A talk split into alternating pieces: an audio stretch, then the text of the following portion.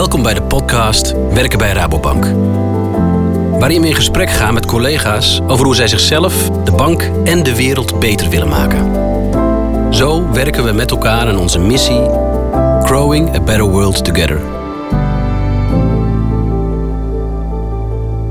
Welkom bij deze speciale podcast over Know Your Customer. Het vakgebied waarbij we de klant achter het rekeningnummer in kaart willen brengen. Met specialisten van Rabobank ga ik dieper in op wat dit precies is, waarom het belangrijk is en hoe het werken aan het kennen van de klant er in de praktijk uitziet. Mijn naam is Johan Schaap en ik praat vandaag met Marieke Dral.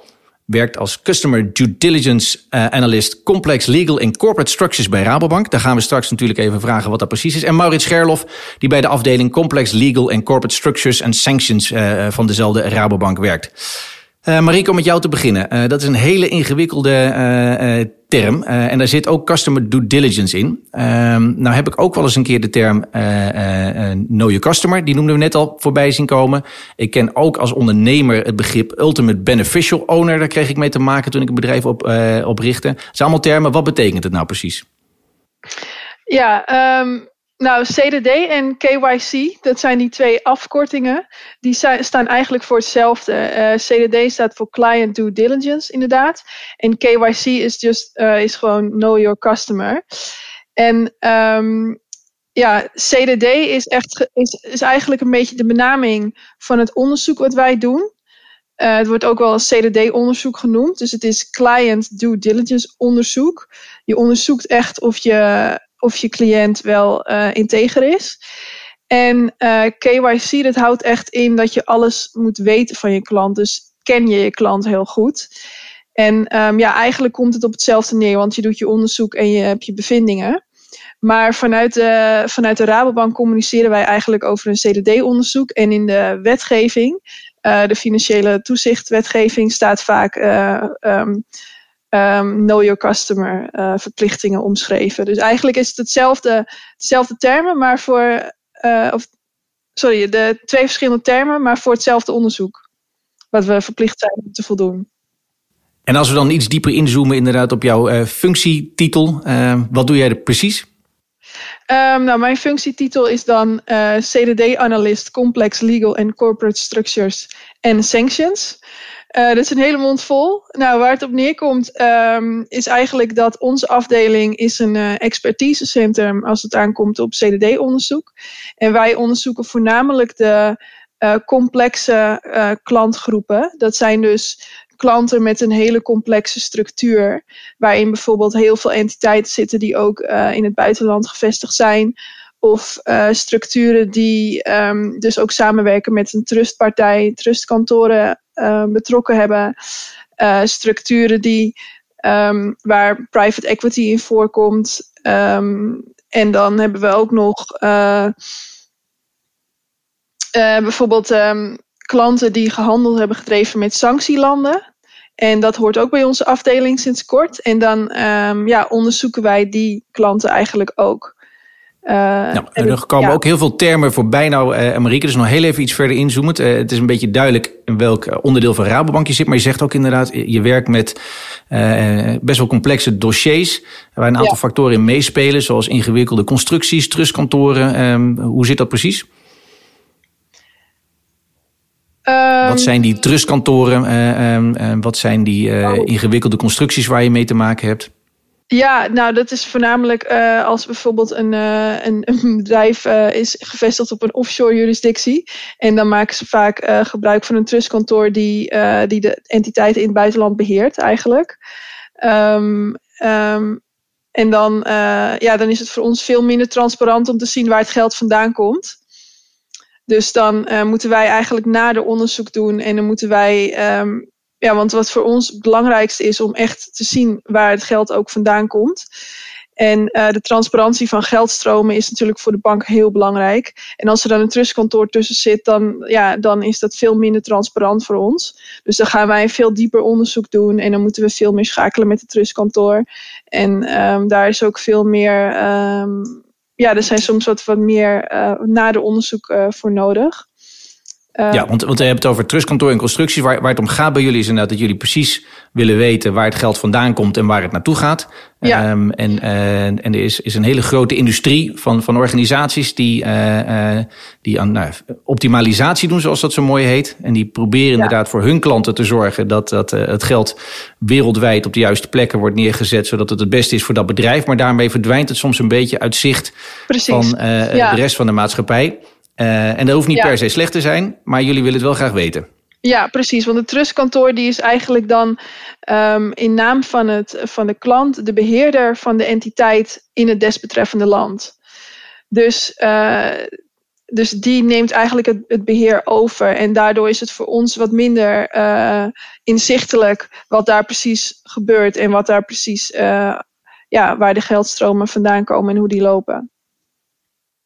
Maurits, jij werkt ook bij Rabobank, maar dan weer op een andere afdeling. Zijn dit, ben jij met dezelfde soorten dingen bezig of heb je hele andere dossiers?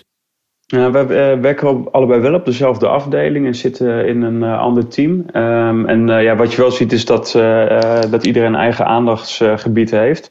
een stukje trust had ik wel mee te maken op de intake desk. Dat is de, de plek waar alle dossiers binnenkomen en waar we kijken van hè, welke risico's zitten er precies in en is het het, het en intensievere onderzoek wat wij doen uh, noodzakelijk. Uh, en momenteel uh, ben ik bezig met specialties en dat zijn dossiers zoals derde gelden en beleggersinstellingen buiten toezicht. Ja, dan noem je al een, een, een goed um, onderwerp, namelijk die, die intake. Um, ik lees heel veel kranten en ik volg heel veel dingen. En, en tot voor kort, een paar jaar geleden, had ik eigenlijk nog nooit zo van deze dingen gehoord tot het in één keer actueel werd. En toen kwamen dingen als, als poortwachter ook voorbij komen. Um, uh, blijkbaar wisten banken niet alles van hun klanten of was de wereld zo complex geworden dat er iets moest, moest gebeuren. En toen, toen zei de overheid, jongens, uh, banken, jullie hebben er ook een verantwoordelijkheid in. Um, jullie hebben een poortwachtersfunctie. Zijn jullie toen alle klanten uh, gaan scannen of hoe, hoe ziet dat proces eruit? Wat, wat gebeurt er met zo'n intake, Maurits? Ja, dit is inderdaad uh, zo dat uh, wetgeving uh, heel snel ontwikkelt de afgelopen tijd en dat banken daarop moeten acteren. de wetgever zegt dat op het moment dat, een, dat er een hoger risico is, een risicogebaseerde aanpak, hoger risico, dan is diepgaande onderzoek noodzakelijk bij klanten. en op de intake desk gaan we eigenlijk kijken van zijn dit dossiers waar dat dieper onderzoek gedaan moet worden of is dit iets wat een, wat een lokale bank zelf af kan, kan handelen. En uh, nou, dan ga je kijken inderdaad van zit die trustdienstverlener erin uh, in de structuur? Is er sprake van derde gelden? zijn deze risico's aanwezig? En dan, dan begin je eigenlijk met de basis van het dossier op orde te maken. dan denk je aan een organogram opvragen om de eigendom en zeggenschap in kaart te brengen. En, en handelsuittreksels verzamelen, zodat de analist dan kan beginnen met het schrijven van het onderzoek. En je zegt inderdaad, er, als er een soort van signalen zijn uh, dat, dat hier misschien meer aan de hand is, of dat je wat verder onderzoek zou moeten gaan doen, betekent dat dat jullie alle klanten eerst met software of op een andere manier eerst een keer door, door de stofkam halen en vervolgens gaan bepalen welke klanten je dieper moet gaan bekijken? Of wordt dat, uh, is dat een manueel proces? Het klinkt alsof het een stapel dossiers is, maar dat zal het vast niet uh, zijn wat op een grote stapel ligt. Hoe, hoe werkt dat precies? Ja, daar hebben we een hele mooie, mooie tool voor, de, de risicodetectietoets, die, uh, die ook een, een prijs gewonnen heeft. Die daar aan de hand van een het stellen van een aantal vragen kan een accountmanager al een redelijke inschatting maken van is dit de, de, een reguliere, ik noem maar wat, slagen waar, waar niks bijzonders aan de hand is of is hier mogelijk sprake van een, een risico wat verder onderzocht moet worden. Uh, en met dat signaal in de hand uh, wordt hier getoetst om te kijken of dat uh, risico ook echt in het dossier zit of dat het afgehandeld kan, kan worden. Dus het is echt nou, heb je het inderdaad over risico's. Nou, nou, zal het best wel vaak gebeuren ook dat er helemaal geen risico is, maar dat het inderdaad gewoon er een structuur is, is toegepast die volledig legaal is en die heel logisch is, maar waar je even wat verder in zou moeten duiken. Um, wat doe je dan vervolgens met zo'n klant, Marieke? Uh, als je zo'n onderzoek hebt gedaan, weet zo'n klant dat? Krijgt hij daar een terugkoppeling op? Uh, uh, kom je nog wel eens dingen tegen waar je denkt dat zou handig zijn als de klant dat ook weet? Uh, ja, zeker komen wij wel eens dingen tegen die we dan met de klant willen bespreken.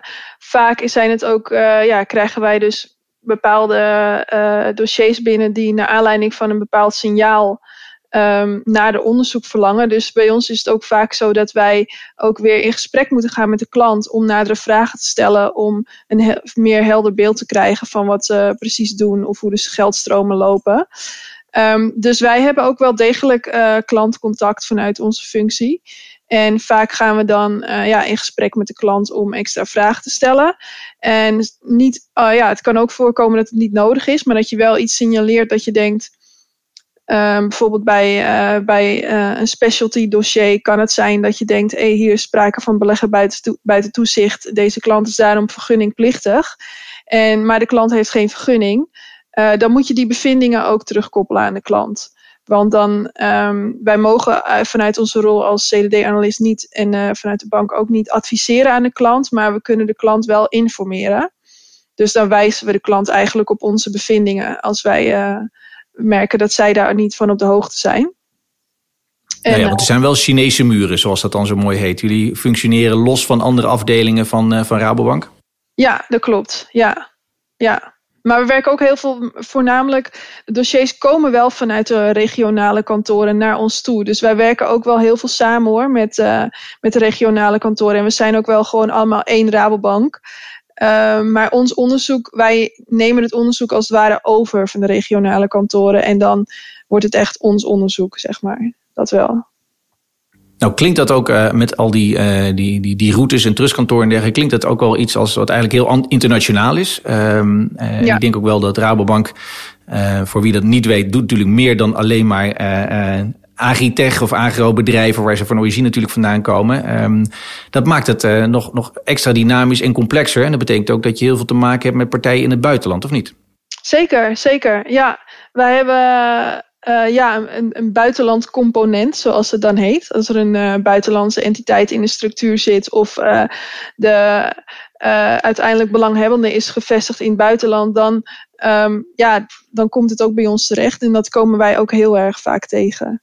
Ja, en het gaat met name inderdaad over allerlei soorten bedrijven. Niet alleen de bedrijven die gericht zijn op de food- en agri-sector, maar echt ook ja, bijvoorbeeld. Uh, een hele grote partij. Uh, ja, en het kan eigenlijk van alles zijn die ook gewoon over de hele wereld gevestigd zitten. Sportscholen bijvoorbeeld, um, sportketens, noem maar wat. Nou, nou, is het natuurlijk uh, complex, maar het heeft ook, uh, um, zou je denken, een beetje een, juridisch component bijna. Uh, want, want je komt ook fraudegevallen of gevallen tegen die, die nou, misschien wel fraude zouden kunnen zijn. Maurits, hoe gaan jullie daarmee om als jullie iets, iets zien? Werken jullie samen met politie en justitie of wordt dat dan ergens overgedragen? En hoe werkt dat dan ook weer in een internationale context? Werken jullie samen met internationale opsporingsdiensten? Uh, op, op, onze afdeling zie je dat uh, wat minder. Ik denk niet dat, uh, dat je buiten CLCS gaat werken om, om boeven te vangen. het is echt meer inderdaad toetsen, voldoen klanten aan, aan wet en regelgeving. En, en, natuurlijk zie je wel eens transacties die, die gemeld moeten worden. maar het is niet de hoofdmoot van het werk.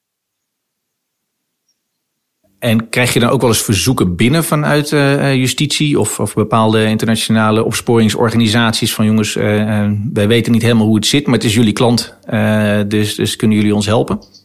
Um, nou, dat, dat loopt echt wel via andere afdelingen uh, die daar speciaal voor ingericht zijn. Het is natuurlijk wel zo dat uh, op het moment dat je een klant gaat onderzoeken, ga je een openbaar bronnenonderzoek uh, doen. een stukje open source intelligence. En ja, daar kan wel het een en ander uit naar, naar voren komen, inderdaad. Mooi dat je al uh, een paar werkzaamheden uh, noemt. Um, als je een werkdag zou moeten beschrijven. Dus je wordt s ochtends wakker. In, dit geval, hè, want jullie bellen ook vanuit huis in. dus vanwege corona start je misschien wel thuis. Of misschien heb je ook nog ergens een werkplek. Of een, maar hoe ziet zo'n werkdag er dan uit? Nee, je begint vaak de, de dag met, uh, met een dagstart. Uh, dan uh, kom je met, met het team samen en is het een kwestie van bespreken wie is, is waarmee bezig. heeft er nog iemand ergens hulp mee nodig en liggen we allemaal op schema. En vervolgens kan je daarna je dag eigenlijk zelf helemaal indelen. je hebt natuurlijk vaak wat afspraken staan, afspraken met klanten of misschien trainingen. En daarnaast plan je de dossiers in uh, waar je tijd aan uh, moet besteden om die, uh, die af te ronden. Dus het is wat dat betreft heel, je kan het heel goed zelf inrichten. Dus dat maakt het wel prettig, vind ik persoonlijk. En, en als je dan kijkt naar zo'n dossier, Marieke, hoe, wat, voor, wat voor stappen zitten er typisch in het, in het analyseren van een dossier? Um, ja, je begint natuurlijk met het in kaart brengen van de structuur. Um, vaak is, het al, is er al een beginnetje van gemaakt door het regionale kantoor. En dan komen ze er eigenlijk achter van, oh, dit is te complex. Of uh, hier zitten inderdaad uh, uh, signalen in wat, ja, wat we moeten overdragen aan het expertisecentrum. Um, dan nemen wij het van hen over en dan gaan we ja, beginnen met het in kaart brengen van de hele structuur. Waar zitten alle bedrijven? Um, hoeveel zijn het er? Wat doen ze precies? En uiteindelijk uh, is ons doel om erachter te komen wie is de ultimate beneficial owner. Dat is de uiteindelijk belanghebbende. Um, dus wij gaan eigenlijk eerst de hele structuur onderzoeken en in kaart brengen hoe het eruit ziet. En vervolgens, als we dat uh, plaatje helder hebben, dan komen we uiteindelijk ook dingen tegen waar we soms nader vragen over willen stellen. Um, we gaan ook kijken naar alle transacties die uh, verlopen tussen alle entiteiten in de structuur. Uh, daar komen vaak ook nog wel eens uh, nadere vragen over. Van waarom handelt u met dit en dat dat land? En wat importeert u daar? Um, dat soort vragen. En um, ja, en tot slot doen we ook een openbaar bronnenonderzoek om te kijken of er binnen de structuur niet um, partijen zijn die op een, een of andere negatieve manier in het nieuws zijn gekomen of misschien ooit een boete hebben gehad om, om um, integriteitsschendingen. dus um, ja, daar zijn wij eigenlijk allemaal uh, heel alert op. Ja, nou is het natuurlijk ook een vakgebied wat heel dynamisch is, want de buitenwereld verandert continu. Die bedrijven zitten niet stil, die uh, uh, richten weer allerlei nieuwe entiteiten op. Belastingverdragen veranderen continu. Ja. Uh, er komen landen op sanctielijsten, personen die op sanctielijsten komen. Heel concreet natuurlijk recent in, in Wit-Rusland. Dan is vanuit de Europese Unie wil men sancties ondernemen. Dan komen er allemaal zakenmensen onder andere op een, op een sanctielijst te staan. Het kan zomaar zijn dat die zaken doen met jullie. Maurits, hoe houden jullie dat bij, al dat vak nieuws en al die verschillende personen?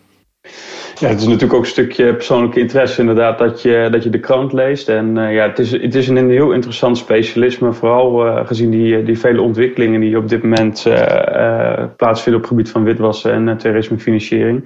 dus het gebeurt inderdaad regelmatig dat je door middel van informatiebullets een update krijgt. Landen die gemarkeerd worden als niet transparant of juist weer van die lijst afgaan. mensen die gesanctioneerd worden zoals je zelf beschrijft. daar pleeg je lijst voor, uh, voor raad. En uh, dat, dat verwijzigt allemaal constant. En dat maakt het ook wel uh, heel dynamisch. Zoals ik al eerder zei, dit is een vakgebied waar ik nog niet zo heel lang van gehoord had. Uh, dus ik kan me ook heel goed voorstellen dat er nog helemaal geen opleiding voor, uh, voor is. Ik weet voor jou, Marieke, dat je eerst recht hebt gestudeerd en daarna heel veel in de financiële wereld hebt, hebt gewerkt. Um, is, is dat een goede vooropleiding of een goede uh, manier om je hierop voor te bereiden? Ja, dit is zeker ja, een, juridische achtergrond uh, en kennis van de financiële wereld is zeker handig. Maar uh, ik, het is niet, denk ik. Nou, laat ik zeggen, het is niet een, een harde eis van je moet rechten gestudeerd hebben om deze baan te kunnen doen. Um, hierbij, het gaat eigenlijk voornamelijk om de vaardigheden die je hebt. Uh, ben je analytisch? Ben je communicatief vaardig? Heb je een ja, een soort probleemoplossend vermogen. Uh, want die komen gewoon heel erg naar voren in deze functie. Ook vanwege het klantencontact wat wij hebben. Daar moeten we soms toch ook wel heel voorzichtig in zijn. En uh, ja, heel tactisch ook. Dus um, ja, en aan het begin van, van deze functie krijgen wij trouwens een hele goede opleiding vanuit de Rabobank. Dat is de Rabobank Academy. Dat is de eerste vier maanden. Um, als, je, als je begint bij de Rabobank en daarin word je helemaal meegenomen in de toepasselijke wet en regelgeving um, over, uh, ja, over, uh, over het voorkomen van witwassen en voorkomen van fraude en terrorismefinanciering. Dus qua, qua kennis uh, word je hier heel goed opgeleid bij de Rabobank. En ben ik ook van mening, ja, dat is gewoon ook allemaal echt wel te leren als je daar natuurlijk interesse in hebt. Uh, ja, en verder moet je wel een beetje inzichten hebben in de financiële wereld. Maar ik denk als je, ja, als je in dit vakgebied wil werken, dat je dat dan ook wel hebt. Dus ik zou niet uh, vastpinnen op ik moet rechten gestudeerd te hebben en ik moet zoveel jaar werkervaring hebben in de financiële dienstverlening om dit te kunnen doen. Ik denk dat je ook bijvoorbeeld met een uh, achtergrond als een communicatiestudie dit werk heel goed zou, zou kunnen uitvoeren. En bij jou, Maurits, wat, zit, wat zie jij in jouw team? Zie zijn het allemaal ook juristen, mensen uit de financiële wereld? Of zie je een heel divers groepje mensen om je heen zitten, normaal gesproken? Ja, je ziet echt wel een diverse groep mensen om je heen zitten.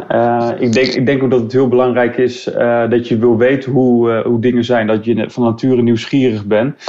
dat je wil uitzoeken en uitpluizen om die puzzel neer te leggen van waarom is mijn klant zo gestructureerd als dat hij is.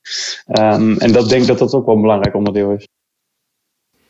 Ja, het klinkt wel een beetje als detective spelen ook.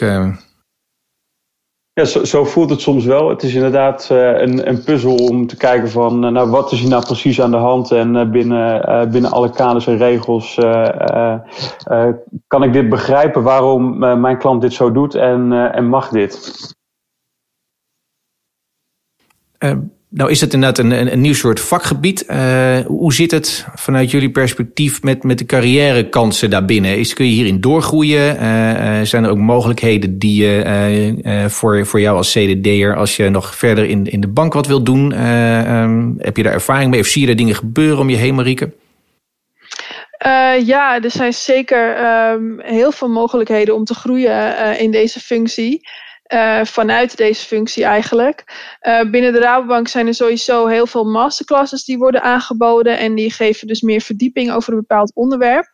En je kan, um, en dit wordt ook gedaan door gewoon collega's. Dus je kan er ook zelf voor kiezen om in een bepaald onderwerp te gaan specialiseren en vervolgens daarover voorlichting te geven aan, um, aan verschillende afdelingen.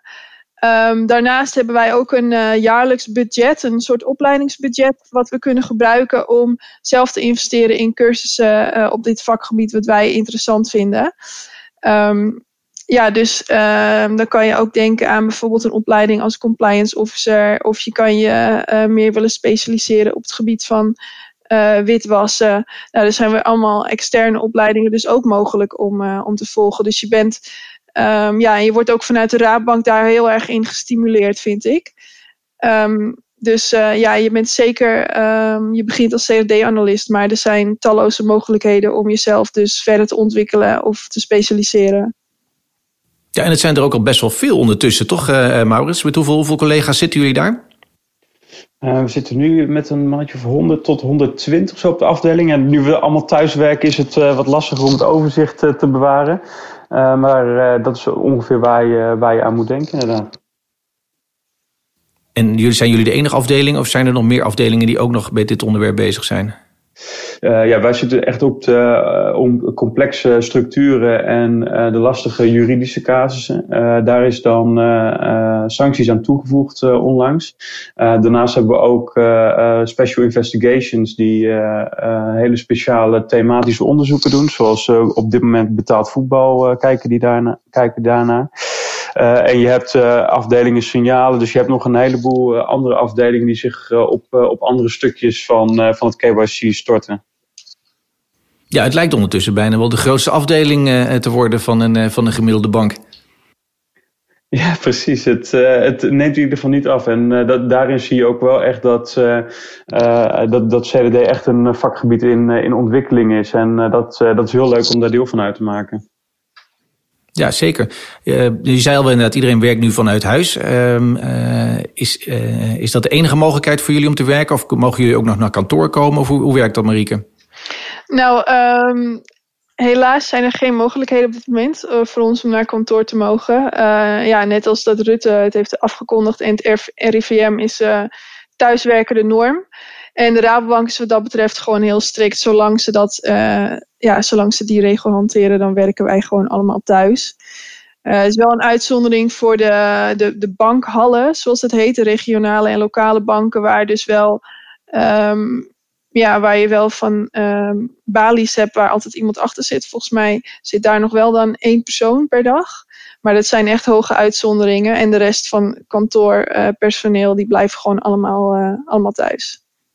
Ja, en hoe is dat als, uh, als ik ga ervan uit dat dat uh, niet al te lang meer gaat duren, maar zodra corona over is? Nou, dan hoop ik heel erg, of nou ja, dan is de bedoeling dat wij met z'n allen weer naar kantoor gaan. Is een heel mooi pand voor, voor ons, staat klaar, helemaal ingericht, nieuw, um, aan de Atoomweg in Utrecht. En dan zitten wij daar gewoon als expertisecentrum met z'n allen bij elkaar. Um, ja, en dan kunnen we ook heel veel met, ja, waarschijnlijk sneller met elkaar schakelen. En zit je sowieso met je hele team op één, op één plek. en niet meer verspreid. En zijn er ook nog mogelijkheden om, uh, om op andere plekken te zitten? Uh, Rabobank is natuurlijk ook regionaal heel sterk aanwezig. Um, ja, wij, wij gaan ook wel eens. Als je bijvoorbeeld aanleiding hebt dat voor een bepaald dossier, dan zou je ook een keer naar de regionale bank kunnen gaan om misschien samen te werken met iemand daar aan een dossier. Maar eigenlijk is het het normale werken is gewoon dat wij op onze eigen afdeling zitten met het hele expertisecentrum bij elkaar. Ja, dat is wel natuurlijk hartstikke leuk. En bij elkaar zitten is uiteindelijk ook gewoon het, eh, het beste en ook de, de slimste manier om, uh, of de beste manier om met elkaar samen te werken en van elkaar te leren.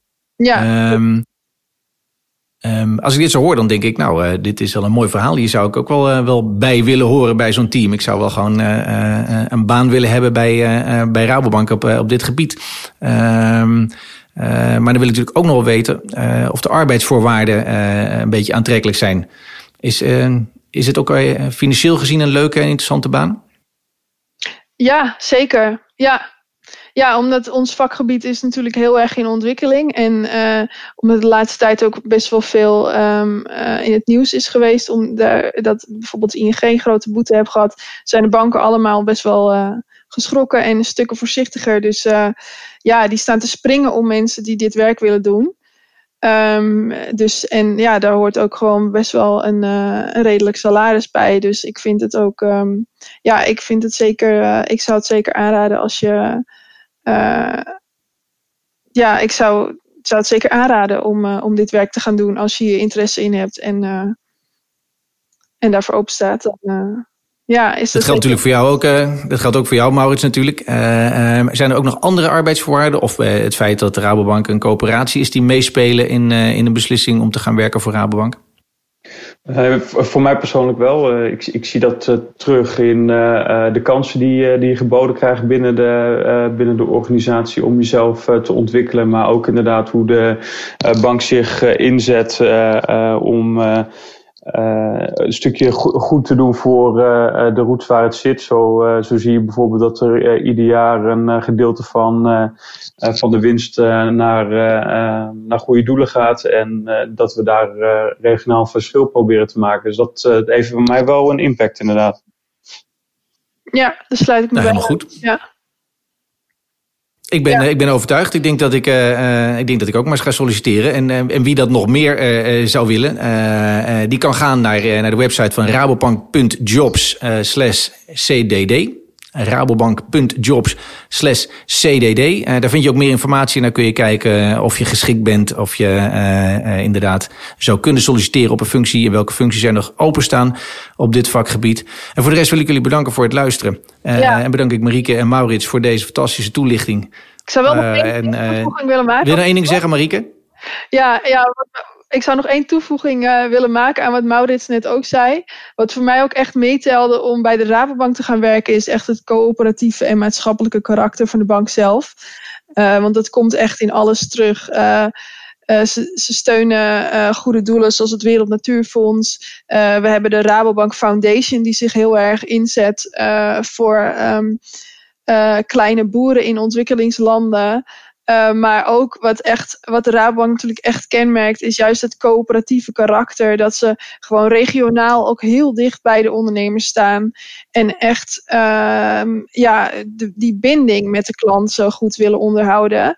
En dus echt de klant echt vooruit willen helpen. En um, daar, ja, dan merk je echt, de Rabobank die doet iets samen met de klant. En die denkt niet alleen aan de bank zelf en aan de verplichtingen waar zij aan moeten voldoen vanuit de financiële wet en uh, regelgeving. Maar wij denken ook van, goh, hoe kan de klant hier aan voldoen en uh, wat is belangrijk voor deze klant? Dus um, ja, wat voor mij doorslaggevend is, omdat ik voor de Rabobank heb gekozen, is echt dat het samenwerken is en dat je naast de klant staat en, uh, en niet eigenlijk alleen het, je onderzoekje verricht en de klant zeg maar daar naar aanleiding daarvan ondervraagt. Maar ik merk echt dat het coöperatieve en um, ja, dat karakter, dat uh, samenwerking, dat is echt uh, heel belangrijk binnen de bank. En dat is ook de reden waarom ik uh, ja, bij, de, bij de Raadbank ben gaan werken.